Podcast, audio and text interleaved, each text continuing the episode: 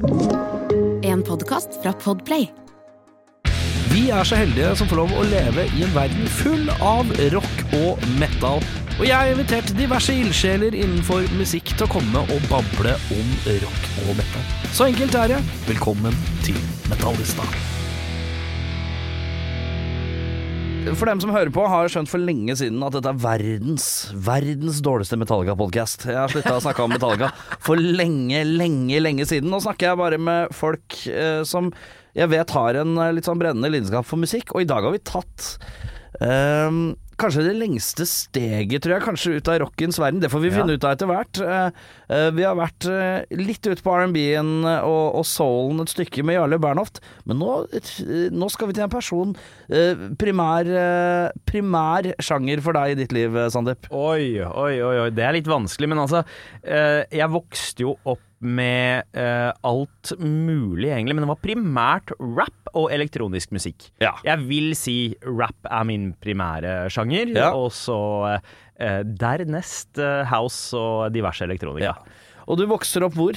Jeg vokser opp på sørsida av Oslo. Jeg bodde i gamlebyen fram til jeg var tre. Ja. Det er noen rykter som svirrer rundt om at jeg vokste opp i Drammen, men det stemmer ikke. Det vil du ikke ha på deg. Nei, det, det vil jeg. Broren min og søstera mi er født i Drammen. Og de er det, ja. Ja, heldigvis. Så det er en Drammens link? De, har bare, altså, har bare tenkt Ja, siden røkla, liksom? ja, ja, ikke sant? Uh, nei, det er vel gutta med all respekt som har prøvd uh, å spre et rykte om at jeg er, egentlig er fra Drammen, men prøver å eh, skjule det. Ja. Eh, hadde jeg vært fra Drammen, riktignok, Ja. så ville jeg nok ha vært litt stolt. Vi Man har jo Donkeyboy og sånt, da, så kommer det fra For eksempel. Eller at det er det du drar Ja, det for eksempel. Men um, Søresida av Oslo er Yes. uh, Søndre Nordstrand. helt riktig. Uh, Klemetsrud skole. What? what? Klemetsrud, ja. Ja. Det, hvor er Klemetsrud i forhold til liksom Uh, Veit du hvor Grønmo golf Ja, ja, ja, ja. Grønmo søppelfyllinga? Ja, ja. Eh, Naboen. naboen der, ja? Ja, Det er et godt stykke uti der, ja. Riktig. ja, det var som å vokse opp på landet, da. Det, Ja. det var liksom jeg vokste opp med folk som like gjerne dro ut og råna for å Ja, feste, ja. som å dra inn til byen. Ja. Det var kortere vei til råninga, på en måte, ut i Ytre Enebakk og Ja, for det jeg føler for meg, så er det eh, Tanta mi bor på Holmlia, Mm. eh, og fetteren min er liksom, og, og liksom Den lille klanen har bodd der ute. Eh, jævla fint. De bor liksom på den, eh, den sida hvor du har utsikten mot vannet. Ja. Hvor det er litt sånn rekkehus. Oh, Gamlelinja! litt- Gamlelinja. Akkurat der hun Det er så fint der, ass. Dritfint. Ja. Uh, og, uh, og da husker jeg at det var liksom sånn Hvis man tok toget liksom Ja. forbi i Rosenholm eller sånn, det stoppet etter, og så og så var det vel Kolbotn og sånn. Etter det, da var det landet. Da var det landet. Det Da var ikke så langt. Ja, ja. Det Men var, det var svartmetall-landet òg, da. Ja, Follo, ja. Ja, ja, Ja. Men, men eh, Holmlia er jo den eneste urbane delen av eh, Søndre Nordstrand. Resten er liksom litt bondeland. Ja. Men Holmlia så hadde du linken til byen, for det tok ti minutter med tog. Med ja. Ja, ja, ja. Så, så det var litt Du merka at de kidsa som vokste opp på Holmlia, de var litt mer i kontakt med Oslo enn det eh, oss på Klemetsrud var. Ja, for dere var, ja, dere var litt sånn ytre. Ja, ja, Ja. vi var litt ytre, ass. Ja, ja, Eh, så, så jeg måtte jo liksom virkelig jobbe for å, å få kontakt eh, med Oslo eh, i tenårene. Ja. For jeg følte meg ikke som en del av byen, egentlig. Nei, du var Ja, ikke sant, jeg skjønner. Kunne, Det kunne vært Enebakk, på en eller annen måte. Det, Det, kunne vært i- det, kunne det. det kunne. Øh, Hva slags musikk er det som durer hjemme? Du er jo Du er jo ikke klink norsk. Nei. Det ser man jo. Ja, ja, ja. Eh, men uh, snakker vi om oppveksten Ja, vi snakker nå, snakker eller? om foreldrene dine. Hva er det, de, uh, hva er det de hørte på? Pappa hørte på mye gammel eh, Bollywood-musikk, og gjerne den fra 60-tallet. Ja, det skal være gammelt, ja. Det skal være gammelt. Og så var han veldig glad i Nusrat Fateh Ali Khan. Det var det eneste vi uh, importerte av pakistansk populærkultur inn uh, til hjemmet. Ja. For alt annet var sånn Nei, eller mamma og pappa så litt på pakistanske TV-serier, Ja. det skal sies. Men, men litt anspent Ja, situasjon mellom India og Pakistan. Ikke sant? Ja. Så, så, så det var ikke så mye vi skulle ta imot fra pakistanerne. Pakistanerne de, de tok greiene våre. Vi Ja, skal ikke ta greiene deres. Bortsett fra Nusrat Fatih Ali Khan, for det er så jævla bra. Ja.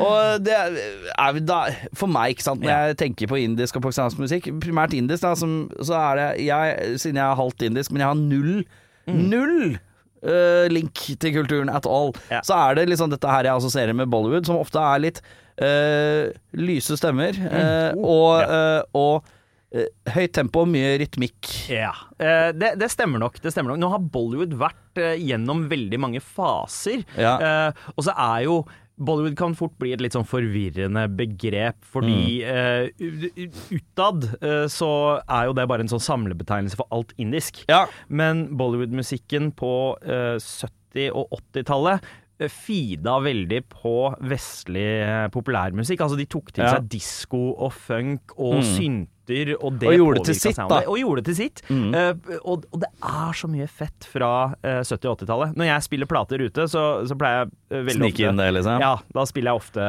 noen jams fra eh, Ja, ja, ja. 70- og 80-talls Bollywood. Ja, men det kan jeg se for meg òg. og bare, jeg, bare det jeg har sett- sett sånn i noen filmer og sånn, da. Når det er liksom bare sånn svære For det er ofte litt sånn svære musikal-acting-numre Ja, ja. midt i en film dansesekvenser og noe voldsomt opplegg. Og da er det alltid ganske killer. Den Ja. musikken er ganske Det trøkker fint, altså. Den er jo mer uh, rytme og Ja, ja, ja. riff-basert, og ikke så mye sånn Altså, du, du, du finner ikke så mange uh, Altså eh, akkordprogresjoner som man er Nei, vant til å høre i eh, vestlig popmusikk. da Nei, men Der det er mye p- p- liksom perkete, ja, Ja. og mye instrumenter. Ja, ja. Eh, men uh, når du begynner å høre på rap rapp eh, Mm. og denne musikken her, og tar det litt med hjem, hvordan reagerer husstanden? det var jo sånn eh, Altså, jeg måtte høre på, eh, på et lukka rom, eh, typ. Jeg husker jo veldig Måtte du godt. snikhøre på det? Litt, men heldigvis så hadde jeg en bror eh, Ja. som er åtte år eldre, og en søster som er seks år eldre. Og Ja. broren min hørte på en del rap eh, eh, en periode, Ja. og det var også han jeg fikk uh, housemusikken fra. Og søstera mi hørte masse på R&B. Ja. Um, og så var jo MTV, det sto på hele tida, så det var sånn konstant Det, det var min link til eh, vestlig populærkultur. Mhm. For jeg fucka ikke med NRK eh, Nei, nei, nei. da. Eh, og, og hørte ikke på norsk radio, var ikke særlig fan av norsk musikk.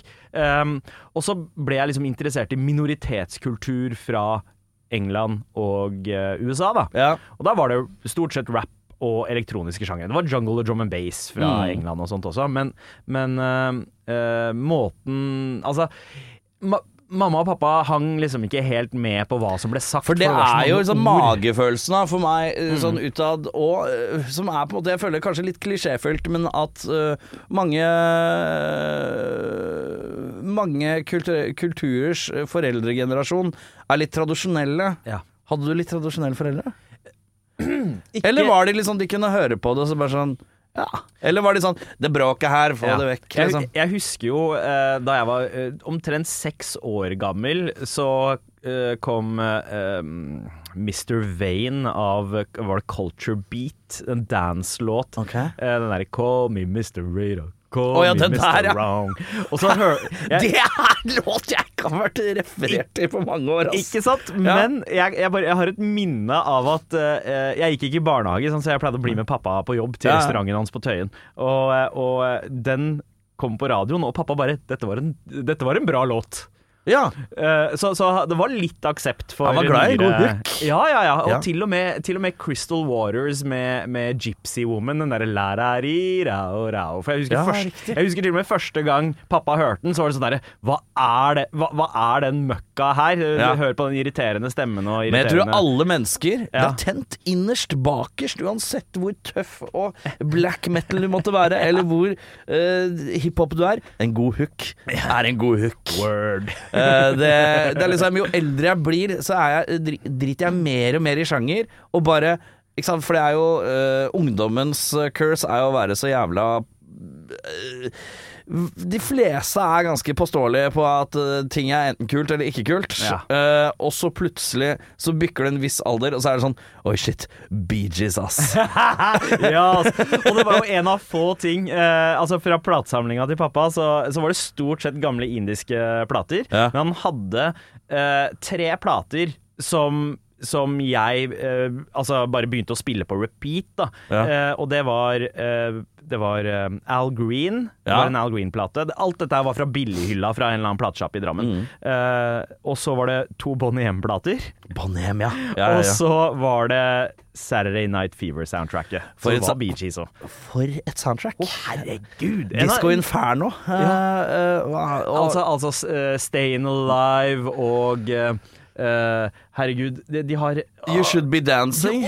Favoritten. Ja, ja, ja. Favoritten. Den, den har jeg faktisk eh, spilt på John D en gang. Uh, Ja, hvordan gikk det? det gikk i, i, i Den derre falsetten er jeg ikke så god på. You should be dancing, Den er, eh, den er litt røff, sånn på 'dette winger vi'-nivå, men ja, det er knallhått, ass. Om Men det er mye kult inni der, ass. Det, Ja.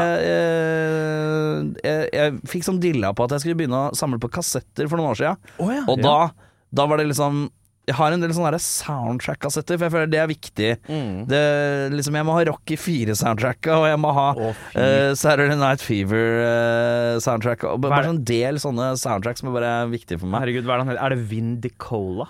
Er det, er det ikke det han heter? Han som har laget uh, musikken Den til der Rocky 4? training-montage. Training-montage Ja, ja. og War fra Rocky Ja, ja, 4-soundtracket. ja, det er riktig, det. Jesus! Er, det er mye tøft der, altså. Altså 80-tallets glor. Det er så deilig, det. Ja, ja, ja. Og, eh, og eh, han derre Altså, eh, den låta eh, 'Burning Heart', er, ikke, er det fra Rocky 4, eller er det Eh, Det er fra Rocky 4, og Ja. det er Survivor, det samme som lagde Eye of the Tiger-folka ikke i treeren. ikke sant? Men ikke, med, med en annen vokalist. Det er jo Ja. 'Burning Heart', tror jeg er sunget av eh, Jamie Jameson, han som også sang låta Baywatch. til Baywatch. Ja, Ja, ja, ja, ja. Eh, faen legende, ass. Ja, ja, ja, type. Rest in peace. type. er du klisterhjerne på musikk, eller? Uh, ja, men jeg har begynt å miste den egenskapen litt etter at jeg fikk kids, for da har hodet blitt opptatt av litt andre ting. Ja. Men jeg har sånn patologisk oppheng i årstall og når ting er utgitt. Mm. Uh, um, ikke, ikke nødvendigvis fordi det er viktig å vite når det er utgitt, men det er for å sortere ting i hodet og prøve å lage et sånt større bilde av liksom hvorfor ting låter som det gjør, og Mm. hva som var et gjeldende sound da, hvilken teknologi var det som var til stede, hvilke innovasjoner var det som skjedde, og så er det å ha en viss kronologi på det en enkel måte å bare holde litt oversikt, da. Ja, ja, ja. Uh, og så er det liksom sånn her uh, Jeg føler at jeg har liksom Med musikk så har jeg den derre Som sånne fotballnerds. Mm. Men det som er rart, er liksom med åra så har jeg blitt litt fotballnerd òg. Å ja! uh, og jeg tror Jeg var 27 år uh, Når jeg begynte å like fotball og Coca-Cola. Uh, sånn To ting jeg aldri likte før det. Veldig rar sånn vending som jeg fikk da jeg var 27. Men det er litt sånn der, veldig sånn nerdete oppheng i ting som eh, Som på en måte er viktig, Ja. men Ja, ja. veldig på en måte. Ja. eh, så ja, Jeg at du bare vipper aldri- fram eh, Baywatch, han som sang Baywatch. Det er så liten fact for veldig mange. Det er så smalt. Uh, Det er noen sånn morsomme sånn TV-serie, uh, Anthem uh, fun facts, sånn som at Chuck Laurie, han som, uh, han som står bak uh, fantastiske serier som Big Bag Theory og Two and a Half Two and a half men, ja. Det var han som skrev og sang themet til Teenage Mutant Ninja Turtles-tegnefilmen. Uh, Oi, ja, se er her, vet du. Nå drar sant? du frem. Det er- Dette leverer. ja. uh, til vanlig så preker du foran mikrofon, du. Mm -hmm. uh, med all respekt. Oh yes. Er i gang igjen uh, etter sommerferie, eller? Det er ass. fire, fire dager i uka. Mandag til torsdag. Ja. Mhm. Eh, musikkrommet, hva er det som skjer der? Det, er, det driver du ikke med lenger, eller? Nei, jeg, jeg altså, jeg, jeg så meg nødt til å enten eh, droppe Med all respekt eller Musikkrommet. For Ja. det å jobbe med to podkaster som går hele året, Ja, hver eneste uke eh, i løpet av et år, ja. det ble litt heftig med to år av det. Så jeg skjønte at jeg skjønte at jeg måtte kutte ut én av de. ja. Og NRK had, var ikke så gira på å kutte ned på antall episoder av Musikkrommet. Nei. Og da skjønte jeg at Men hvor mange ikke- nå, Jeg har hørt et par episoder, men jeg, jeg har ikke registrert helt hvor mange Var det én i uka? Det var én i uka.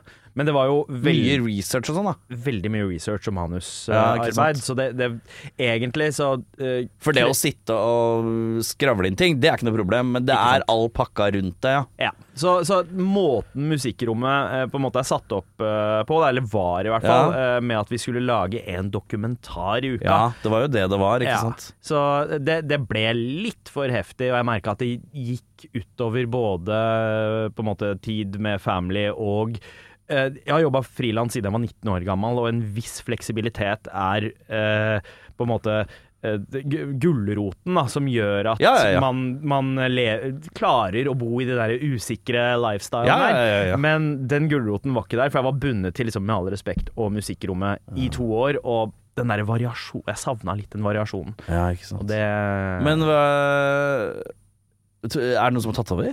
Ja, eh, faktisk. Og, og to veldig eh, bra, eh, holdt jeg på å si, eh, arvtakere. Ja. Eh, Anna Nord Sørensen og eh, Jakob Altså, ja, eh, Anna Nord Sørensen er jo kjent fra Urørt, har Mm. vært programleder der og har P3-ligaen. Musikknerd og veldig Hun er sånn rastløs. Så hun er sånn derre OK, kom, kom til poenget. Og Ja, men det er litt fint å ha sånne. ja, hun, For dem som liker å utbrodere i det lengste, som jeg tidligere kan ha en glede av å gjøre sjøl, så er det deilig med å ha noen sånn sånn Kom igjen, da! Kom igjen, Ikke da! sant? Ja. Og, og jævla engasjert og kunnskapsrik. Og, og det, det, det blir jo et annet program nå, Fordi nå er det et mer pratete program enn det det var uh, før. Og det, Mm. det var jo en strategi da fra NRKs side at det skulle være enklere å lage. At vi ikke skulle være bundet så mye til manus og sånt.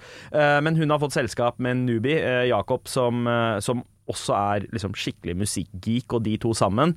De gjør at de, de gjør det til et program som passer mye mer til det P3 har lyst til å lage, og Ja. det P3-målgruppa er, da. Ja. Jeg følte meg rett og slett for gammel. For, Gjorde det? For å, ja, etter hvert, da, da Men det er fordi du hadde lyst til å prate om å lage ting Du hadde lyst til å lage ting som kanskje blei ikke aktuelt nok for litt yngre ører. Ja, eh, og så liker jeg å trekke litt lengre tråder. Altså, jeg er ikke Jeg, jeg finner ikke så heft så mye interesse i å uh, snakke om fenomener som ikke har vart så lenge. Eh, bare liksom karrierer som bare har et par år bak seg. For da er det ikke så mye materiale for å finne de gode historiene nødvendigvis. Det funka med Bad Bunny og, og et par andre, men likevel så er det sånn ja, vet hva, Jeg er ikke så engasjert i Harry Styles, jeg. Eh, og, og jeg ble litt lei av å late som noen ganger. Ja. Eh, men eh, men eh, noen ganger så må du bare spille på lag med eh, målgruppa og, og et fenomen, og forklare hvorfor det er et fenomen, og, Ja. og, og fake litt engasjement. Og så tenkte jeg bare oh, jeg, er ja, ja, gammel, ja. jeg er for gammel for å si at jeg syns at Harry Styles eh, er eh, original. Ja, Eh, ja, jeg skjønner. Eh, Han listepopperen her, hør for originalt det er. Ja, nei, det er vanskelig, det. Ja, ja. Men, eh, men eh, jeg skal fortsette musikknerdinga da, med, eh, altså i NRK P13. Ja. Jeg tar litt sånn Jeg gjør noen vikargreier der bare for å eh, holde meg litt eh, varm. Eh, Ja. Gjorde sommerradio der, og så eh, har jeg jo planer om å få et eget radioprogram etter hvert, som Ja. ikke er en podkast, som bare er et radioprogram. Bare rent radioprogram. Ja, så bare sendt deg glemt. Ja, ja, det er deilig, det. uh, eh, på, hjemmefronten så er det noen barn. Er det ett eller to? Husker Jeg har to kids, ass. Uh, Alder? Syv og fem. To gutter. Syv og fem. Har de begynt å, har de, hva, hva er det de har lyst til å høre på av musikk som ikke er på YouTube Kids eller et eller annet? Ja, ja, ja, det er bra. Det er bra. Akkurat nå så ber de om å høre på Daft Punk med The Funk i bilen hver eneste morgen. Ja, men det er ikke det verste. Nei, nei, det er ikke Litt det verste. Daft Punk. Ja, Daft Punk og Prodigy med No Good.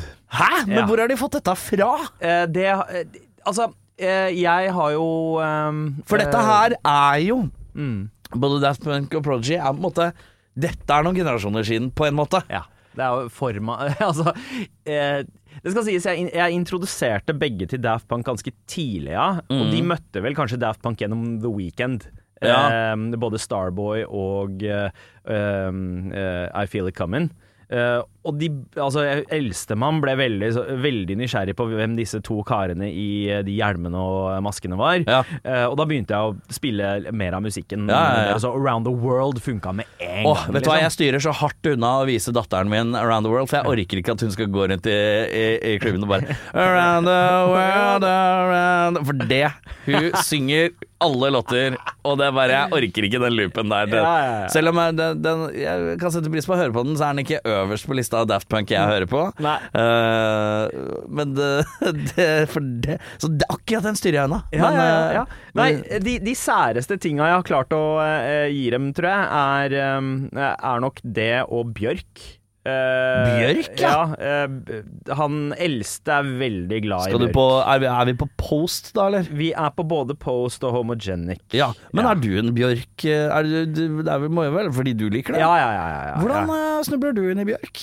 Det skjedde da jeg var syv år gammel, ass, og, hør, og hørte Syv år?! Ja, ja, og så Human Behavior-videoen på MTV Ja, og tenkte sant? bare Hva er dette her for noe? Ja. altså, eh, fordi musikkvideoen, det var jo en sånn uh, Holdt jeg på sånn puppet-animasjon-greie med den Mm. Veldig mange speisa musikkvideoer fra Bjørk. Å ja, oh ja. Men, men det var en sånn følelse av at Oi, dette her er for meg, men det er jo ikke for meg. At det var noe spennende ved det. Fordi det var jo ikke barnemusikk, men, Mm. Nei, nei, nei. Men, men det var en estetikk der som var litt barnlig. Og Ja, hun så også ut Hun hun hadde en litt sånn udefinert alder. Hun så jo ut som et barn, selv om hun var Ja, ja, nærmere 30 da den låta kom. Eh, så så d- Nei, det var, det var et eller annet veldig fascinerende, og hver gang jeg hørte noe av Bjørk, så var det alltid sånn OK, det høres ut som at hun ikke treffer tonen, men det er likevel noe ja. fascinerende der. Helt sånn eh, Ja, men det er, eh, det er et av mine livs største anger, faktisk, på musi musikkfronten. Jeg var i en festivalsituasjon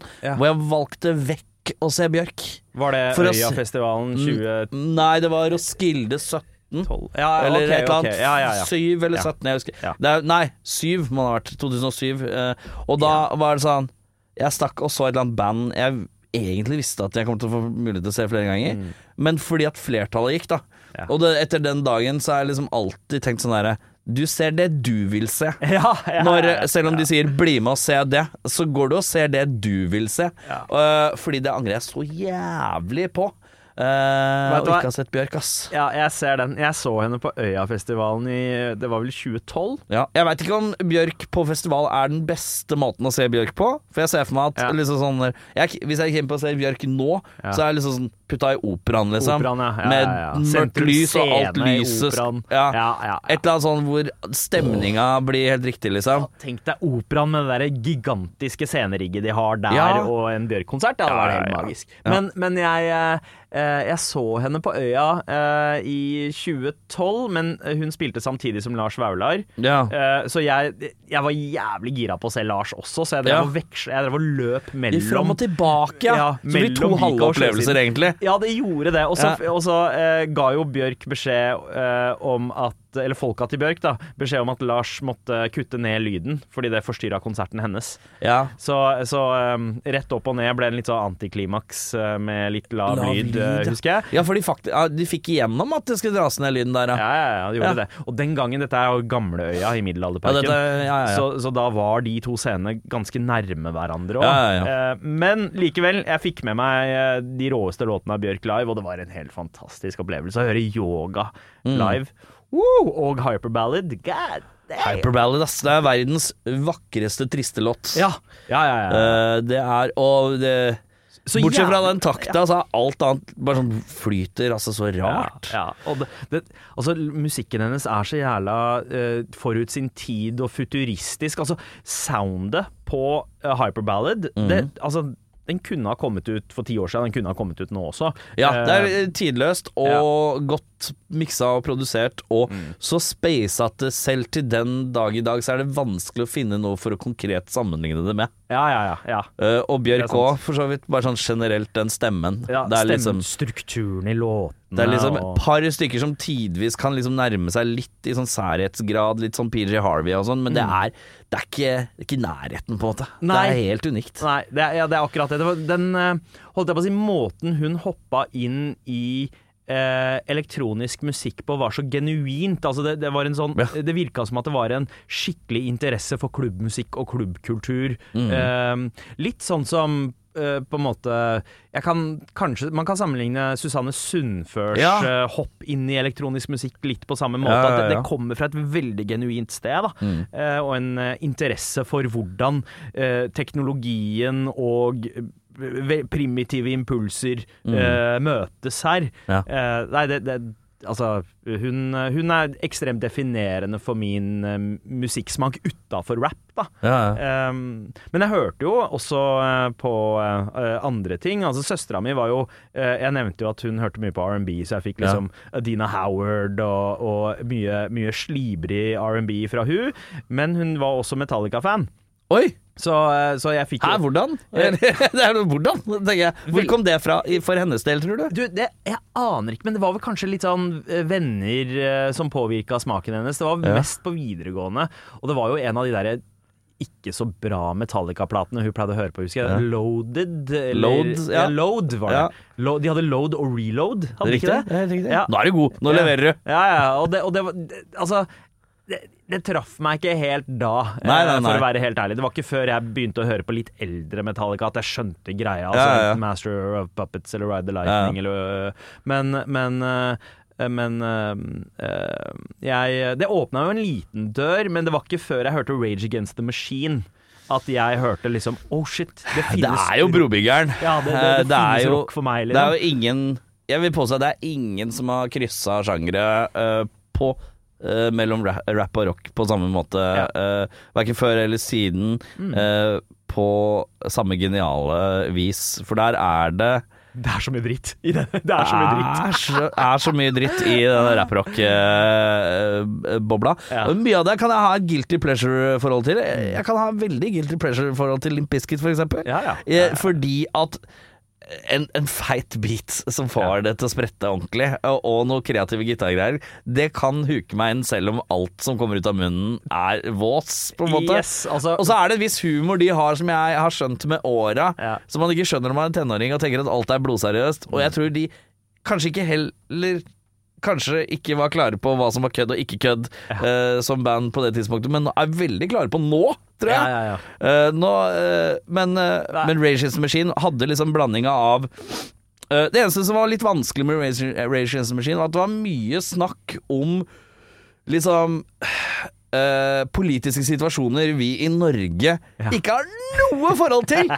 Men vi digga låtene så jævlig for det. Men jeg har ikke peiling på alle disse referansene som blir levert. Nei. Eh, Men det åpna en dør, da. For, altså, vi, for en nysgjerrig kid, så var det liksom en sånn uh, At man det, Zack De La Roca, han, han mente det han sa så hardt at, at, at man Ja. tenkte liksom OK, det var noe gjenkjennelig Eller du hadde lyst til å kjenne deg igjen Ja, ja, eh, ja. og mene noe like hardt som det han gjorde. Ja. Og da begynner man å sette seg inn i an, annen politisk musikk. Og jeg, liksom, eh, jeg oppdaga Public Enemy etter Rage Against the Machine og Dead Mm. Prez eh, etter og, og, og det var et eller annet liksom fascinerende med bare folk som hadde Altså det var, jo, det var jo som å få historietimer, Ja, ja, ja. egentlig. Og så måtte, var, var det opp til deg om du skulle lese deg opp på det de sa. Og så var det alltid så ekstremt I hvert fall Public Enemy var ekstremt direkte. Ja.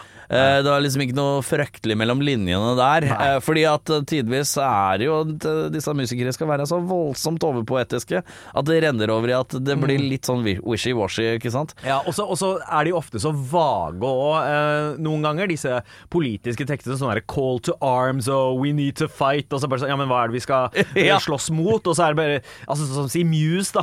De Ja. vage tekstene til Muse er sånn Ja. der, Det er veldig sånn studentopprør-preg. Ja, ja, ja, ja. Ekstremt wishy-washy. Ja. Men uh, Rage Against Machine var liksom sånn uh, var fetteren min som jeg tror introduserte meg til det, og da var det bare sånn Ok, ta med denne her eh, Ta med Da jeg fikk sånn VHS med noe Så jeg kunne se det i tillegg, Mm. og bare se hvor liksom forbanna han var Ja. på en eller annen måte.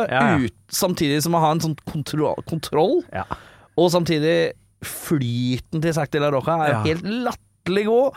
Og liksom Og Tom Morellos gitar. Gitargreiene. det er en groove der som Ja, bare helt Nei, eh, det, det, det var et eller annet som altså jeg, jeg var aldri fan av Audioslave, jeg Nei. fucka ikke så mye med det. Men Rage Against the Machine sånn fra førsteplata og fram Egentlig fram, fram til de slutta. Jeg, jeg var til og med fan av den her coverplata deres. det er Renegades. Renegades, ja, med Ja. Renegades of Funk og Africa Ja. Bambara og sånt. Ja. Uh, men men uh, det var Gorilla Radio og uh, Sleep Now In The Fire, men også liksom Bomb Track og eh, Bulls On Parade. Altså, det var, var så mye Det var så mye fett!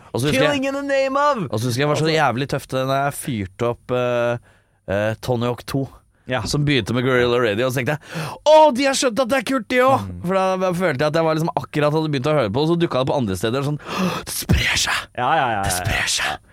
Og det er det deiligste følelsen i hele verden, faktisk. Som en sånn musikknøl. Å føle at uh, ting uh, blir poppis rundt omkring, på en eller annen måte. Ja, ja, ja. Eller sånn når du har en kompis som er sånn herre Shit, jeg hørte faktisk på det du nevnte. Mm. Det var jævlig fett. Bare Ja. den der bekreftelsen for en sånn musikknerd. eh, Det er så deilig, det. Ja. Beste jeg vet. Um, men ja, Rage Against the Machine. Det var, eh, det, det var vilt, og det var sånn Det var min inngang til rocken. Hvordan, hvordan starta det for deg? Ja? Hva var det første du liksom uh, det var en liten eh, leilighet på Lambertseter over trygdekontoret trygdekontoret uh, og legesenteret. I en liten sånn trygdeleilighet der. Og der snubla jeg av en sånn kassettsamling til mora mi, og der var det jævlig mye døvt. Det var alle de liksom døve platene til Neil Young. Og ja, han har døve plater. Uh, og så var det Men så plutselig så snubla jeg over Meatloaf. Bat Out of Hell. Bat out of hell, ja. Og, det er- liksom som en svær musikal, på en eller annen måte. Ja, det er så den er musikalsk knyttneve, da. Det er, det er en knyttneve i form av en Det er mye! Det er veldig mye. Uh, på alle mulige måter. Uh, Men når man går tilbake og hører på det, jævlig bra sound på plata. Veldig- er Dritbra miksa. eh, Dritbra miksa. eh, Sånn uh, Kunne låter bedre, selvfølgelig, men, Mm. men det, det, for meg så er det, det er et eller annet som er så Det er så veldig mye. Uh, og, men som en liksom ung kid, da, så Mm. er det jo sånn Når du først skal få noe storslagent, så er det veldig storslagent på et eller annet vis. Ja. Så det gjorde veldig inntrykk. Men før det så var det Var det jo bare sånn Absolute Music-drit og, og sånn rælegreier, liksom. Absolute Music 15, ass. Ja. Eh, var faktisk på biltur i sommer hvor vi fant en del sånn gamle sånn Absolute Music-CD-er og sånn. Ja. Pumpa det inn. Fy faen, det er noe baggers. Det skal sies. Ja, ja, ja. Hooks, en god hook er en god hook. Jeg holder fast ved det. Definitivt. Og det var sånn man oppdaga så mye rart, for det var jo det sjangerspriket var jo eh, Altså, det var De Lillos, det var Robin, det var Tina Turner, det var Chemical Brothers, liksom. Ja. Det, var, alt mulig. Veldig rart. Um, nei, også Men jeg har liksom sånn Fra barndommen så har jeg liksom mm, veldig sånn Husker veldig sånn enkeltstående låter fra alle mulige sjanger som liksom satt seg veldig eh, Ja. eh, Men det er altså, for eksempel sånne rare sånne teknolåter som jeg husker Eller ikke tekno, jeg bruker det litt sånn fellesbetegnelse, jeg er litt dårlig på det. For jeg er så dårlig på alle undersjangerne innenfor elektronisk musikk. Men sånn derre eh, Hva heter det? Am- eh, Vam...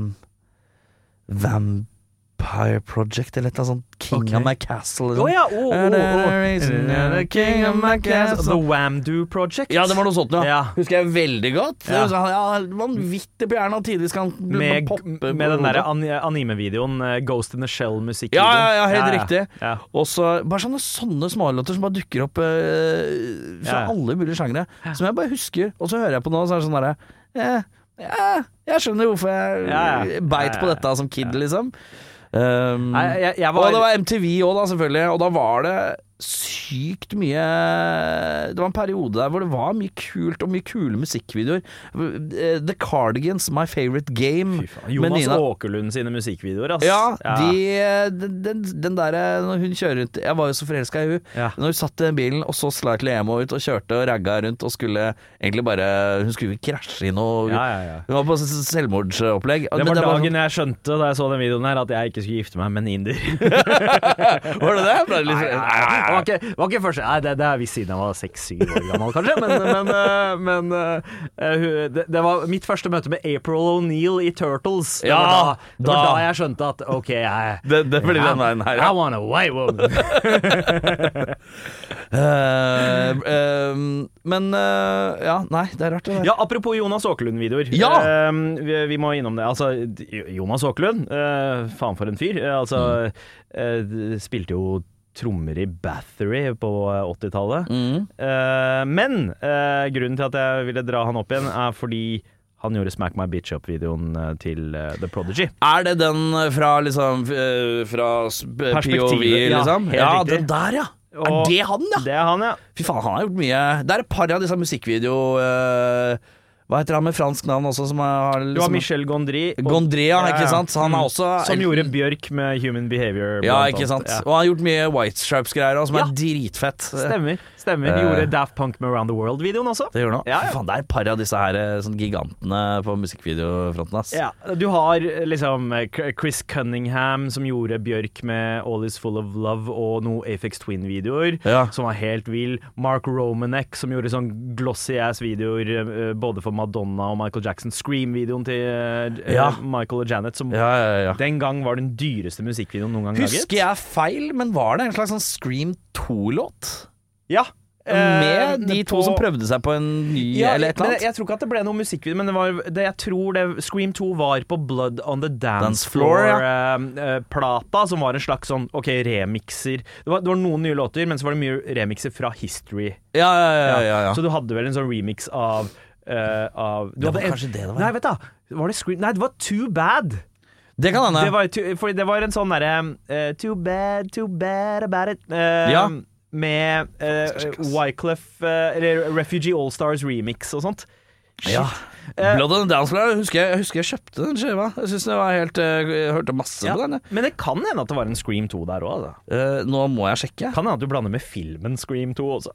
Det, nei, det, det tror jeg ikke. Men jeg lurer på om de bare hadde en eller annen slags uh, sånn derre uh, Det kan hende jeg bare tenker at de hadde en eller annen låt Scream Louder? Scre hva? Ja. Det er noe som heter Scream oh, ja, Louder. wow. Men det er en slags re remix-greie, ser jeg. Ja. Uh, så det kan at jeg surrer litt der. Men grunnen til at jeg hadde lyst til å dra frem The Prodigy, Ja. var fordi, sånn som vi snakka om i stad, Rage Against the Machine var en sånn bro mellom rap og, eh, rap og rock. Ja, og så er det eh, Prodigy veldig bro mellom elektronisk musikken Musikk og, og rockeattituden. Rock punk- og rap-estetikk, eller hiphop-estetikk. Ja. Så det var liksom det ene stedet jeg følte at på en måte alle de der gjengene møttes, og Ja. alle kunne være enige om at dette her var fett. Ja. Fordi uh, Liam, uh, som da er på en måte primus motor i Prodigy, Mhm. han, han starta jo som liksom hiphop-DJ og produsent. Ja. Og du hører det på måten han sampler, hva slags breaks han sampler, og måten uh, låtene er laget på. At dette er liksom ren, det er hiphop-metode mm. uh, med, med uh, rave eh, Liksom uh, rave-tempo Mhm. og rockeattitude. Ja. Og det kunne alle sammen, selv om vi var uenige i alt annet med musikk da vi var ti år gamle, mm. men, men, men alle var enige om at Prodigy var dritfett. ja. Så det, det var også en sånn derre eh, En bro, da, det, mellom eh, disse, disse formene som gjorde så at det ble enklere å spise andre ting enn Ja. det man var vant til. Ja, for det er det som, det er jo det, måte det som er det, det Og jeg syns det kanskje var virka lettere før, skal jeg være helt ærlig. Mm. Uh, at uh, Hvor gammel er du? Du er Jeg er født i 86. Jeg er født i 87, så vi Ja. er ca. like gamle. Mm. Eh, når jeg var så Jeg føler når vi var sånn rundt sånn mellom 10 og 15 ish, Ja. så var det så mye kryss og tvers av sjangerblanding og så mye utforsking. Alt var den- lov! Alt var litt lov! Ja. Mens nå så føler jeg Og det, når gammalmannen kommer mm. frem, så er det sånn Jeg føler at hiphopen eksperimenterer kanskje mest. Mm. Uh, og litt sånn oppblomstring fra det jeg føler er liksom den her uh, Hva heter det, Odd Future uh, Ja, og ja. eh, Tyler Creator, Creator, og der hvor, hvor ting der, der er hiphopen faller litt fra for meg. Ja. Jeg sliter med å henge med på når det skal være så sært på mye av det. Jeg syns det blir vanskelig å svelge, for jeg må ha en jeg må ha en Du må ha the hook. jeg må ha the hook. Jeg må ha hooken, og jeg må ha grooven, og jeg må ha litt sånn Jeg må ha flyten. Ja. Eh, det- måte Gammel Kanye, da har du meg med en gang. Ja, ja, ja, ja, ja. For det er noe soul-aktig her. Det er noe sjel i det. Mens mye av dette som skal ha litt sånn og når vi begynner å fucke med odd uh, time signatures og sånn, da blir jeg litt sånn «Ah, eh, Nå føler jeg at dere bare prøver hardt å være rare, Ja. og da blir det vanskelig for meg. Uh, mens jeg føler liksom innenfor pop, Mm. så føler jeg at ting har liksom her er, det, her er det ikke så mye forskjell. Eh, Ja. For meg, det grøter litt sammen. Ja. Eh, Altså, popmusikken var breiere da, og det tror jeg har noe med at, eh, at eh, popmusikk har jo alltid feeda av eh, subkulturer, altså kontem kontemporære subkulturer. Um, og så eh, var 90-tallet på en måte den siste tida med veldig definerte subkulturer. Ja. Så ingrediensene du b hadde å blande sammen, var såpass uh, unike Ja, ja. i sounds og estetikk at du merka deres tilstedeværelse i den blandingen som oppsto. ja, ja, ja. Mens um, i den digitale alderen så har subkulturer sakte liksom blitt vanna ut fordi du har ikke nødvendigvis sånn byidentitet i sounds lenger. Det er ikke Nei. noe som heter Bristol Sound eller Detroit Sound eller uh, lenger, fordi alle høres ut som alle. Alle er i kontakt med hverandre hele tida. Mm. Så det oppstår ikke sånne unike miljøer Uh, som blir uh, Som ender opp med å bli en veldig definert ingrediens for noe større. da Ja. Alt er bare en litt sånn mishmash av alt. Og så er det jo vi, moderne platebransjen Ja, ja. er jo Det- eh, Tar mindre risker, kanskje. Men Ja, noen ganger det så tar de men- voldsomme risker. Men, men sånn har, det, og det har man sagt i 60 år. Ikke sant? Ja, ja, ja. At, at den platebransjen Fordi de, pengefolkas jobb er ikke å ta risker. Sant? Riskene er subkulturene som tar. Når subkulturene er litt for opptatt av hva Uh, hva musikkbransjen driver med, Ja. og skal fri til det, Ja. da mister man på en måte det, det, det derre Det subkulturene egentlig skal drive med, det er jo Ja. å, å, å eksperimentere og dyrke noe helt unikt og eget, og så kommer pengebransjen og Ja. av det. Ja. Men nå er det ikke så mye å feede av lenger. Nei. Så nå blir det en sånn derre innavla jeg, føler, jeg føler at litt før så var det sånn Først så lagde man noe musikk som, hvor man liksom følte at kanskje man tilstreba å være litt unik. Ja. Og så øh, ville da liksom øh, bransjen, om du vil, Mm. huke seg på det som var kult, salgbart innenfor det som var unikt. Ja. Og så ble det booka til festivaler, ikke sant, automatisk. Mm. Mens nå så føler jeg det er litt sånn Og vi må lage litt låt som gjør at de, liker det, sånn at vi kan komme på festivalene fordi at The Gimme and Hope vil ha altså, Ja. det er, er, Akkurat det er litt vondt. Så når vi snakker om 90-tallet, og sånn, så er det det jeg tenker på. Sånn der, åh, det var litt mer eh, risiko Litt mer risiko, litt Ja. eh, mer eh, Man respekterte nisje og, Ja. og subkultur litt mer som bransje da, og jeg tror det at man så liksom sagt at rockens tid begynte å gå litt forbi, og man begynte å titte litt på andre steder. Eh, Liksom, eh, det var jo på 90-tallet at både rap og elektronisk musikk først ble popmusikk. Mm. Eh, og det var jo litt fordi man var på jakt etter Folk, folk ville ha noe nytt. Man var Ja, på ja, ja. jakt etter noe nytt. Eh, og jeg tror at vi har kommet litt til det punktet nå at eh, at uh, vi har kommet til et slags sånn metningspunkt hvor, uh, hvor uh, man begynner å se etter noe nytt igjen. Og jeg tror Ja, ja, ja. det nye er veldig i slekt med det gamle. Altså nå kommer band, bandene tilbake. mm. For det føles forfriskende ut. For nå har vi hatt sånn studioprosessert musikk som har vært gjeldende i 15 år. Og nå tror jeg at vi kommer til å Altså, våre ører som lyttere ser Titter litt etter de derre organiske og mer eh, menneskelige Har litt mer feil i musikken, er plutselig noe vi på en måte søker, da. ja. Eh, forhåpentligvis. Så ja, vi håper, vi håper jo det, det er utviklinga, selvfølgelig. Ja, ja. Men Eh, vi får se, da. uh, nå skal jeg eh, Nå skal vi ta det litt, litt ut her. Eh, fordi jeg jobba i en bar. En rockebar. Mm, rockebar. en som heter Vatland, som jobber Ja. eh, her i Oslo for noen år siden. Og så ansatte vi en ny dørvakt. Ja. Eh, En type på ja, par og 30, tenker jeg. Jobba i noen år. Eh, og jeg husker han Han var så forvirra når han skulle første og andre Eller bare sånn Liksom den uka han jobba der Den første uka han jobba der, han var så forvirra. Ok. Og så sa jeg sånn eh, Han hadde litt gebrokken uh, aksent, da. Mm. Uh, og så, litt upassende å bruke aksent, men han var litt sånn Jeg skjønner ikke hva er det som skjer her.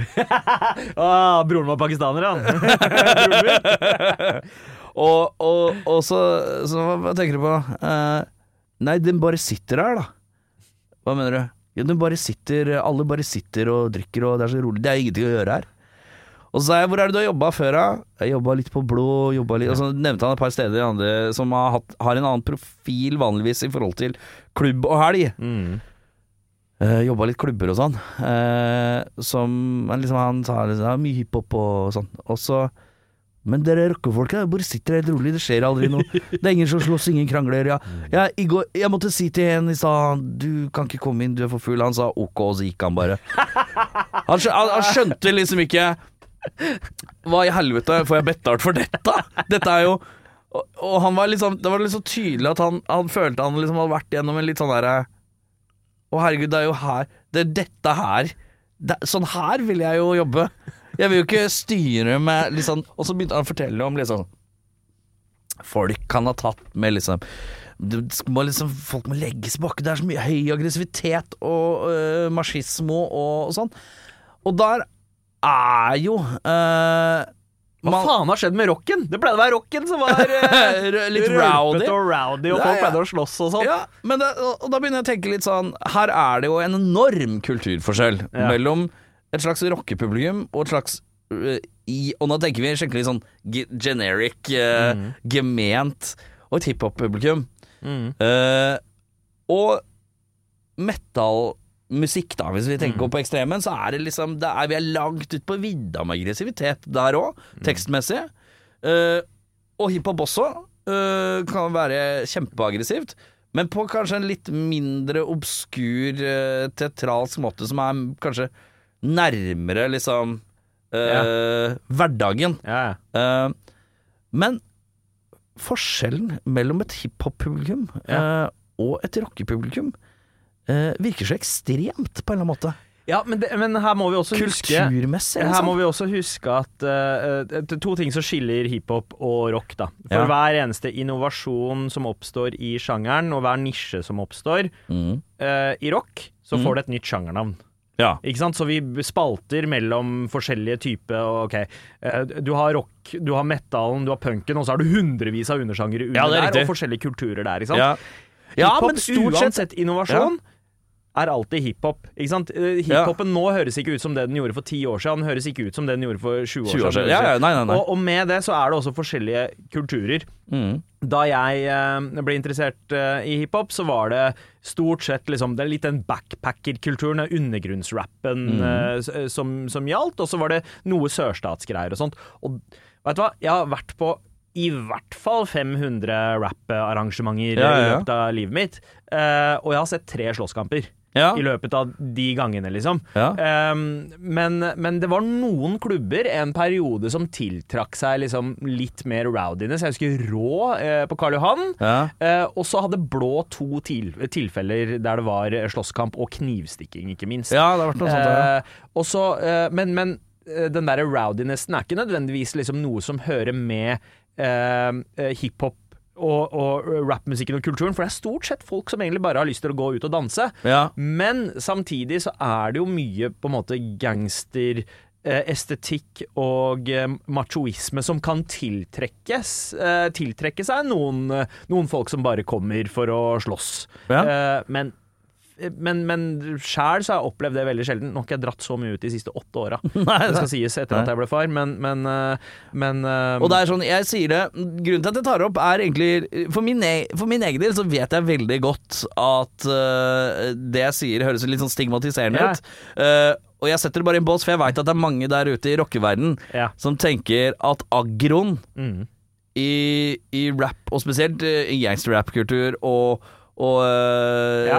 sånne type ting i hvert fall øh, fra liksom fall tidlig mye- 90 og utover litt tidlig 2000-tallet. eh, og pengefokus og litt sånn den litt sånn rare skrytinga av hva man måtte ha av ting. Ja, ja. eh, Ja, ja, ja. Virker på en måte veldig fjernt eh, og aggressivt. Den gang så var jo det Altså hvis, hvis vi ser på det i norsk kontekst, da, Ja. så var jo gangsterrappen og rappen man hørte på da, det var, det var en slags virkelighetsflukt. Mm. For det, det var så langt unna vår virkelighet og realitet. Ja. At det ble som liksom, holdt jeg på å si, litt sånn eh, fantasy Altså eh, ep, sånn hva er det heter da? Sånn episk eh, metal, sånn Ringenes herre-metal, Ja, ja, ja. Det er nesten sånne virkelighetsfjerne historier. Uh, mens nå er rappen mer Uh, holdt jeg på å si sosialrealistisk. Den Ja. knytter seg mot faktiske ting og hendelser og strømninger uh, hos en mar eh, marginalisert uh, del av Oslo, da, Ja. for eksempel. Um, og da blir det mer en sånn konkret identitet og konkret sånn call to arms-følelse i musikken også. Ja. Eh, så jeg merker jo det at jeg har jo en litt sånn avstand eh, eh, Altså, med, med disse kidsa som flyr rundt med eh, balaklavaer og, og hører på drill-musikk, Ja. så tenker jeg liksom Shit, er det en fasade og en act, eller, er det, eller mener de alvor? Ja. Og, og nå har det jo vært et par tilfeller der um, noen av de mest fremtredende rapperne fra Oslo har blitt bura inne for ganske alvorlige kriminelle mm. hendelser. Mm. Og jeg tror også Altså, det ene er at ehm, det hører med uh, he hele estetikken, og dessverre så oppfordrer man på grunn av eh, innholdet i mye av låtene til å holde på et slags image, for man skal være ekte. Man, må, man kan Ja. ikke bare si at man gjør det, man må også gjøre det. for Ja, fordi det er eh, Ikke sant, hvis du tenker Hvis vi går på lang, eh, brattsida av metal, ikke sant, som synger om apokalypser og Ringenes herre og litt sånn fairytale-shit, eller Ja, ja. dommedag-shit. Det er veldig ofte det det lener seg mot de Ja, ekstremmetallen. Eller så er det sånn at det er så langt over eh, Det er sånn du hører humoren fordi at det handler om å bare overdrive det når du hører et band som Man tenker ikke at Slayer faktisk har lyst til å gå ut og drepe folk. Nei, eller at Eh, liksom eh, Nei, ja, eller, man, man, eh, ja det er det ja. Mm. samme. Det er jo en kjempeaggresjon, men den er sånn så overdrevet at Ja, man ikke tar det seriøst. Ja. Mens når man hører noen snakke om fattige kår og hvordan de har kommet seg opp ved å gjøre dritt som ikke er spesielt fett, og nå kan de sitte der med en bunke penger og leve livet, kjennes så spess Ja. ut. Og, Eh, og det, er jo, det er jo flere Det er jo, det er jo så mange rappere nå, så Ja. sannsynligheten for at noen av de som driver med rap er kriminelle, er også større. Ja. Eh, Fordi nå er det så jævlig mange som driver med det. Mm. Um, så så jeg en ting jeg ser på det sånn, da, er at eh, det som er positivt med det, er at eh, da det, det er en del kids der ute som bruker en del tid på å uh, lage låter og spille inn musikkvideoer. Da er det uh, tid som går til å gjøre noe annet enn kriminelle handlinger. Det er sant. Uh, så, så sånn sett så kan musikken ha en veldig positiv effekt på en del kids som egentlig kanskje ville ha Mm. steila ut enda mer, da. Så Ta Kamelen som et eksempel. Mm. Hadde ikke vært for, for at han hadde fått eh, et slags gjennombrudd og oppmerksomhet for musikken sin, Mm. så kan det hende at shit hadde gått mye verre for han Ja. etter hvert. Eh, men han har eh, paid his dues, han har rydda opp, og jeg håper at eh, rappen også vil være en mulighet for veldig mange andre kids å gjøre det samme. Ja, og det, Eh. sånn har det jo tradisjonelt sett vært òg. Ja. NWA uh, mm. hadde nok Easy E, da, for eksempel. ikke sant? De, det hadde nok uh, sklidd eh, verre ut hadde de ikke hatt det å lene seg på. Det var jo Easy E den av de som på en måte var eh, eh, ekte gangster eh, fra starten av, mens Ja, ja. de andre var liksom De var først og fremst musikere, men Ja, de hadde eh, tryne, trynefaktoren Ja. og attituden.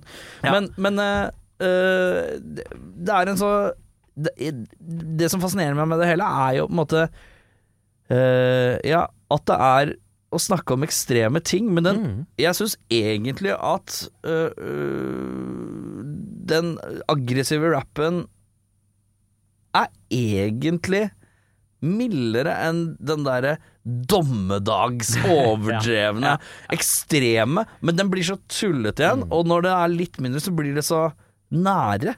Og så blir man litt sånn herre På samme måte Ja. så handler jo begge om å komme i kontakt med noen menneskelige følelser som samfunnet egentlig har fortalt oss at det er feil å føle. Mm. Uh, enten det er på en måte uh, spite, altså hevnlyst. Eh, Ja, ja. Etter, altså hevnlyst, heter det. Eh, og, og bare liksom kjenne på mørke følelser. Tupac for meg var jo litt det der, for det var, sånn, det var noe demonisk og djevelsk over soundet hans. Han pleide å pitche ned stemmen, og det var Mm. eh, Stilen hans var også litt sånn lakk og lærete. Det, Mm. var, det var noe sånn derre Han fyren her har vært innom helvete i 15 minutter og kommet tilbake, Mm. vibe. Eh, og det syns jeg var ganske eh, interessant med han. Det er noe eh, veldig forlokkende med de som klarer å gjøre noe estetisk ut av død. mm. Um, han gjorde det, og jeg, jeg forstår også at det er mye av greia med eh, svartmetallen. Mm. At eh, det, det handler om å komme litt sånn egentlig i kontakt med den delen som eh, et samfunn som er basert på kristne normer, har Ja. fortalt oss at det er feil å føle på. Um, du det er menneskelig å, å ha et sinne. Det er menneskelig å være fascinert av eh, flesh og blood. Ja. Eh, Det er menneskelig å Ville tilstrebe å oppnå det man vil, koste hva det vil. Ikke sant? Ja, ja. Ikke sant? Litt sånn uh, mac Mm. eh, måte å se på det på, da. Men, men eh, eh, og, og for meg så har jeg først skjønt det etter Altså i etter at jeg bikka 20-åra. Mm. Før det, så Mitt første møte med svart metal var jo Baron Blod, ikke sant. Og Otto Jespersen. Ja, Otto eh, Jespersen-sketsjen, ja. det- Så, så, så for Ja. meg så var det Og for veldig mange andre så var jo første møte med rap i Norge var jo også i sånn revyform og humoristiske Ja. greier. At eh, man tok ikke formen på alvor fordi ditt første møte var at det var komedie. Det var Mm. enten revyer, eller så var det Ståle Stil, eller så var det Carl I. Hagen som hadde Hagen-rap. Første, første rapplåta som var på VG-lista, by the way. Mm. Ja. uh, men men uh, så, så dette er sjangere som måtte ta litt tid da, for at folk skulle faktisk ta musiseringa på alvor. Mm. Og jeg, eh, jeg har aldri vært sånn noe spesiell fan av Mayhem, men, men det var noe som klikka eller traff i hodet mitt første gang jeg hørte Dark Throne. Ja.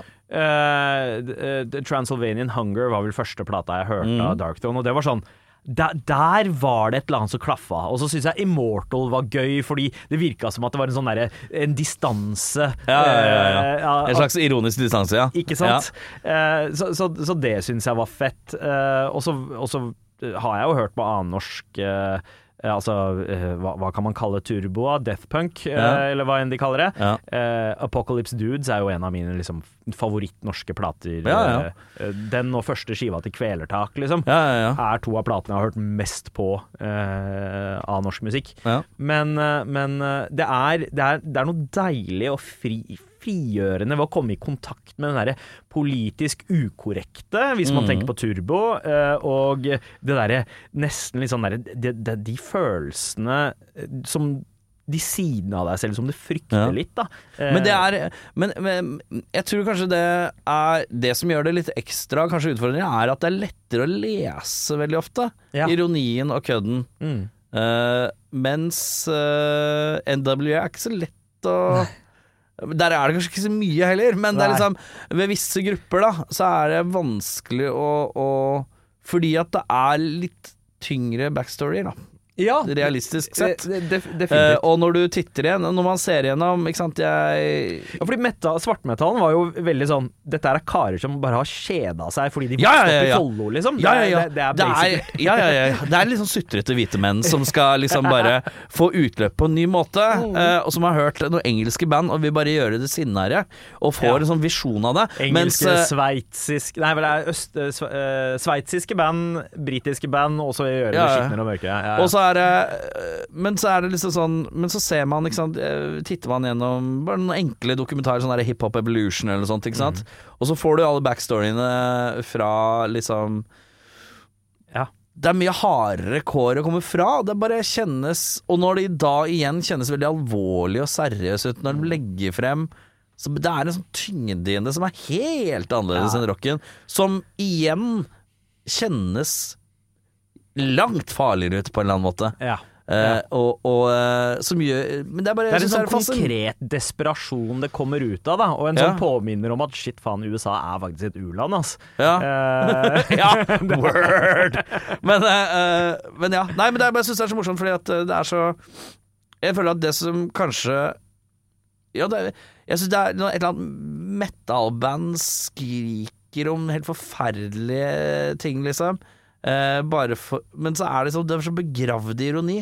Mm. Mens i hiphopen så er det ikke så ofte jeg kjenner på Ja, ironien på samme men, måte. men det kommer an på hvilken sjanger, for du har også noe som heter horrorcore eh, Mm. rap, som er litt det Skal samme. vi da i, Er det sånn insane clown-posse-opplegg, eller? de er, også, de er også litt der, men, Ja. men du hadde eh, Ill Bill og Necro, for eksempel. Eh, to brødre. Og Necro var jo en eh, eh, veldig in horrorcore. Han snakker om å på en måte eh, eh, d- d- halshugge noen og skullfucke dem, liksom. Ja. Altså, det, den typen sånn Det er så dratt til det ekstreme. Ja, og det er liksom sånn øh, Det er liksom ekstreme metallgreiene, og da, er det sånn, da eter man opp at det er, er en sånn køddegreie, stort sett. da Ja, ja. Før man ser en eller annen dokumentar innser at personen er sprut gal, selvfølgelig, men, men øh, Ja. i det store og det hele så er det veldig mye ironisk distanse rundt det. Men det er den derre den hverdagsstrebinga Mm. som jeg føler i hvert fall sånn 90-talls gangsterrap og sånn, Mm. som er tungt, den derre øh, komme seg framover og fram uansett hva du må. Ja, ja.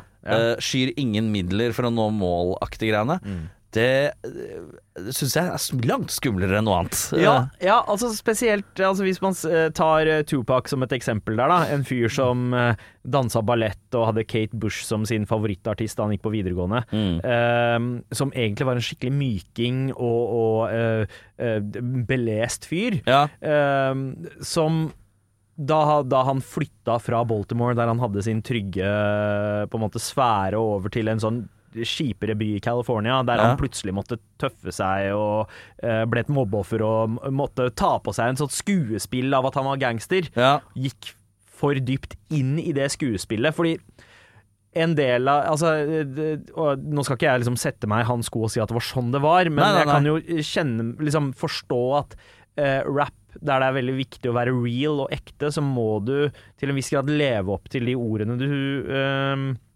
Altså det, det du Ja. sier. Eh, og sånn tror jeg det var for han, at han ble egentlig Det ble et fengsel for han, da. Mm. At han måtte leve opp til de ordene, Mm. og ble jo stadig pusha, pusha mer og mer ut til det ekstreme av andre krefter også. Ja, ja. Eh, også fordi han var en mer salgbar vare når han ble mindre politisk bevisst og mer gangster. Mm. Eh, så var det jo det som endte opp med at han ble drept, da. Ja, ikke sant? Ikke sant? Uh, så det er jo jævla skummelt. Altså, en av mine favorittrappere fra de siste uh, ti åra, Nipsey Hussle, Uh, han prøvde jo å bygge bro mellom gjengene, men rappa fortsatt uh, Mm. gjengen sin, og uh, ble jo skutt drept utafor et sånt kvartal som han eide og hadde skapt masse lokale businesses i. Mm. Men det er jævlig kjipt. Altså, i metallen så har man ikke så mange eksempler av det. Man, vi har jo de, liksom, norske Lillehammer-drapet, selvfølgelig. eh, Ja. Tragisk. eh, drapet på uh, altså Euronymous. Men det er sånn i store og hele sånn filleting. Ja, ja, synes, ja. For all del, liksom, uh, ingen dødsfag er filleting. Nei. Men i historiene kjennes det litt sånn fillete ut i forhold. Ja, fordi det er de to på en måte, tilfellene som gjør Ja. sånn at en hel sjanger på en måte har fått dette, denne myten og renommeet. Da. Ja, ja. Mens i rappen så skjer det liksom Det skjer hele tida, og det skjer det fortsatt, og det skjedde da. Uh, så, så det er jo en mye skumlere Det er jo det. Ja. eh, Så man kan tenke liksom da han der svære tometers black metal-kisen går nedover gata mm. Han er ikke så skummel som man tror, egentlig. Uh, jeg syns det, jeg syns det kan være litt mer skumlere. eh. Jeg syns Gal er jævla skummel, da, det skal sies. han er, Eh, men det er fordi at de han- øya der er skumle, ass. Han er, hadde, altså, altså, jeg har sett han i virkeligheten én gang, jeg. Ja. Og Jesus, han er, han er like skummel som, som det er bare Nei, han, han, han Fordi han, han, han har en han har en sånn Mørke. Ja, han har En aura. mørke i seg, og det, det er jævlig fett. Det er jævlig fett å se noen bare naile, naile det der å være scary. Ja. Altså, Jørn Stubberud er ikke så jævla skummel. Han ser ut som, han... som storebroren til Tommy T. Ja, Liksom. han gjør det. Åh. Jeg vet hva, Da syns jeg faktisk Tommy T er skumlere. Eh, Jeg skal være helt ærlig. Men øh, ja, nei øh, Det er liksom ikke å bli 100% klok på, men jeg ville egentlig bare lufte det litt. Jeg bare synes det var interessant at han dørvakta liksom hadde så veldig sånn Han reagerte så på at du syntes det var så forskjell på publikummet. Ja, ikke sant, men han og aggresjonsfølelsen. Ja, også sannsynligvis siden han har vært uh, dørvakt på klubb uh, uh, Altså disse, uh, diverse klubber, Ja. så er det også på en måte Enten det er elektronisk musikk eller om det er rap, så er det på en måte Det kan være mye drugs involvert, da. ja, ikke sant. Kan være det. Ja, og det det, påvirker jo også hvordan folk oppfører seg. Sånn, folk blir litt mer rowdy, og de er litt mer borte. Ja. Eh, mens eh, jeg tror uh, rockere, spesielt nå, er litt mer introverte og tar hele ja, skaden innover seg sjæl. Å ja, ja, masse depressive sjeler, ja. Ja, ja, ja, ja. Da sitter man der, da, og får Smiler ut av, og så Får du beskjed om å gå rundt kvartalet, så, så er ikke du en til å si imot. Nei, nei, nei. Ja, jeg veit jeg fortjener det, jeg Ja, fortjener ja, det. ja. ja, det er, er ganske riktig, det. Nei, men hva er det vi trenger å vite? Hva er det du holder på med? Det er med all respekt. Er Det det, noen andre andre prosjekter? eh? Nei, ikke akkurat nå, ass. Er du, er du en sånn type som har sånn derre Det kan ikke jeg snakke om ennå? Mm, nei, jeg, ikke, men jeg, jeg gjør et lite prosjekt med Nasjonalbiblioteket akkurat nå. Jeg snakker oh. om uh, uh, Det er snakk om foredrag for videregående kids, da. Oh. Uh, men jeg snakker om identitet i um, rap og svart metall, faktisk. Ja. Så hvordan Fordi, fordi Blaze in the Northern Sky av Dark Throne og uh, Heisan Montebello av Karpe, De er Ja. innlemma i eh, eh, Nasjonalbibliotekets permanente utstilling som Ja. heter Opplyst, Ja. eh, og er blant de da yngre innlemming, eh, Mm. innlemmingene. Fordi det, det, dette er liksom uh, en utstilling som uh, strekker seg tilbake med 1000 år av materiale. Mm. Uh, så jeg fikk lov til å plukke ut to ting å snakke om ja. i dette foredraget, og da valgte jeg Blazing Northern Sky og Heisan Montebello. Så Ja. det, det skal jeg ha for videregående kids. ja. Men hva, hva, hva er det du skal legge frem, da? Ja, hva er det jeg skal legge frem? Eh, det er jo snakk om både dette her med eh, Du nevnte identitet, men det er litt sånn det, hvor um, viktig motkulturer er for å bygge identitet hos uh, folk. Altså Ja. med, med svartmetallen så uh, føler jeg jo at uh, grunnen til at det kanskje ble en såpass stor kraft, da, og hvorfor det smeller så jævla, Mm. er jo at det, det spiller mot uh, noen samfunnsregler og normer er veldig motstrøms, og i hvert fall når det kom. ja, ikke sant? Mm. Ikke sant? Og det der med den derre ekstreme Altså, uh, no, noe av det er jo den, det filosofiske ved det, mm. uh, men, men hvordan det ga uttrykk i det ekstreme ved at de faktisk begynte å brenne kirker, eh, noen av gutta, Mm. Ja, ja, eh, det er jo det ekstreme. Men filosofien i seg selv den snakker til ganske mange, det der med at det, avkristningen av Norge, og Ja. ha, ha det som en ambisjon, da. Eh, og, og det tror jeg nok eh, det, det er noe som jeg også kan Altså noe som resonnerer hos uh, meg òg. og med Karpe så var det snakk om eh, identitets... Uh, eh, også eh, en, en identitetsfaktor for folk som føler seg annerledes fra normen. Ja, ikke sant. Um, så ja, jeg knytter noen paralleller da mellom rap og svart metal på Mm. akkurat det der, med eh, outsidere som føler seg sett av ekstreme sjangre. Eh, noe mer Ja. vi skal plugge, eller? Er det noe plugge? Er det noe mer å plugge? Eh, Det er jo alltid, alltid masse mer, men dette her kunne vi ha snakka om i tre timer i hvert fall. uh, ja Nei, jeg, jeg syns jo Ja. Vet du hva? Nå kommer jeg på et kjempeviktig spørsmål. Å ja, hva må jeg stille. Ja. Musikkinteressert type. Mm. Har du leflet selv med musikk? Å ja. Ja, ja, ja, ja. Det har jeg. Det har jeg. jeg Hvordan? Hva? Jeg skrev mine første raps da jeg var ni år gammel. eh, Begynte å prodde beats da jeg var 13.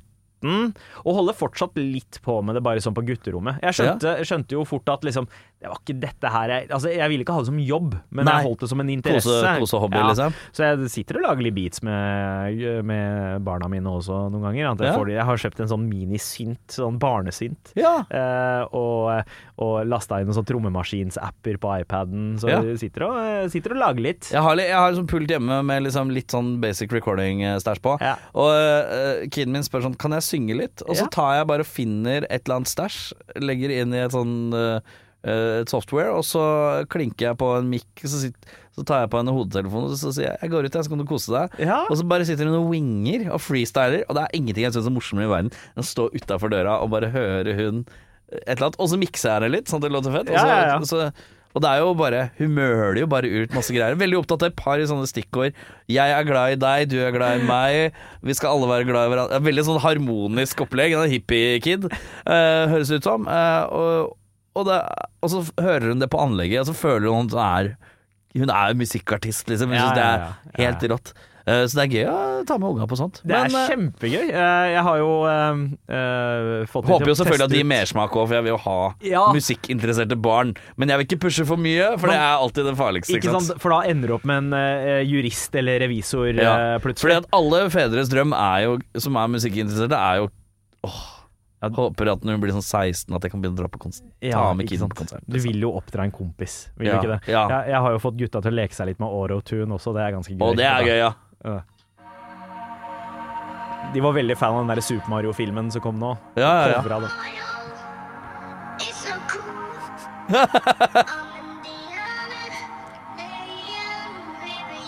ja. Men det her høres ut som noe som kunne vært ei greie.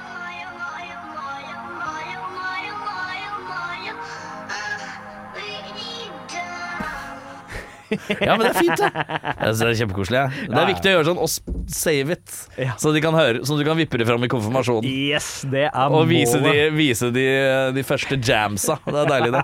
Men ja, er det noe Kan man høre noe musikk du har laget noe sted? Å, fy faen. Jeg, tror Jeg ble spilt på Urørt en gang i 2004, tror jeg det var. Tre eller fire. Ja. Eh, ble valgt ut som sånn anbefalt eh, eh, på Ukas Urørt, uh, eller noe sånt. Uh, og det, det var jo Artistnavn? noe elektronika jeg lagde. Å, fy faen, hva var det? Ulydinski. Heier. Du får, du får en 4,3 av 10 på, på bandnavnfronten. ah, Rappgruppa vår het Gatka Clan. Ja, det er ikke så gærent. Ja, var, Gatka er en sånn sikh kampsport. Så det var liksom Wu-Tang Clan og Gatka Clan. Gatka Clan, ja, Og det var meg og Kavar Singh, han som, eh, han som lager en del av de musikkvideoene til Karpe og, oh, ja, eh, så og sånt, som, eh, som hadde en duo. Men er det noe på Spotify? Finner vi noe på Spotify? Nei, det gjør vi ikke. Dette, var, dette vi var lenge Jeg slutta med musikk eh, lenge før eh, Spotify kom, holdt jeg på å si. så, så dette var sånn man fant på hiphop-forum på nett uh, og uh, Urørt, da. Men har du kommet til punktet hvor Nå tør du ikke? Hva da? Og uh, Og hvis du hadde liksom Vet du, det er én låt jeg har Tør du å gå all in med musikk? Og Ja. hvis det er en sånn derre NRK sommerlåtaktig greie nå, det, det, er- det gjelder ikke. Nei, nei, nei, For det føler jeg er sånn promokødd som jeg korker. Nei, det, men det var en låt jeg gjorde med uh, Galvan Abu, André Jensen fra Hagle. Ja, dette høres Og- fort ut som en sånn promolåt, men ja, ja, nei, det, greit. det var ikke det, da. Det Nei, var ikke. Dette var før vi begynte i NRK. Så Ja. lagde vi en låt som het 'Lære seg litt norsk'. Det er det eneste jeg er med på av noe greier som er på Spotify, tror jeg. Lære seg norsk. Hva er Ja. artistgreia? Uh, det er UMP, og så kaller jeg meg Oddvar Bro. Sterkt! Sterkt! Det er U oh. ja, UMP, Oddvar Bro. Um, eh, Abu kaller seg Mosvart, eller noe sånt. Jeg husker Ja. ikke. Uh, men uh, men Og låta het Lære seg litt norsk. Lære seg litt norsk. Så, så den finner du på Spotify. Åh, deilig. Ja, ja. Ellers så er det mitt stolteste øyeblikk sånn rent musikalsk er jo kanskje at Tøyen Holding har brukt uh, navnet mitt som en punchline uh, i en låt. Ja. Det er uh, Vito-låta av Tøyen Holding hvor de sier 'Sing that shit sound deep'. Ha hårete mål som en sikh. Ja. Sing that shit sound deep. Ja, det, vet du hva? Hvis jeg skal Når, når jeg får meg et eget radioshow, så skal det være jingeren. Jingeren, ja. ja. Ikke sant, det er nydelig, det. Men du, Sandeep. Yeah. Vi har virra, vi har kakla, vi har rulla oss rundt i temaer. Tusen takk for besøket. Jo, takk. Og neste gang så skal vi snakke mer om Motorhead, ass, for det kommer vi ikke inn på i dag. Det kan vi godt gjøre. Du har hørt en podkast fra Podplay. En enklere måte å høre podkast på. Last ned appen Podplay, eller se podplay.no.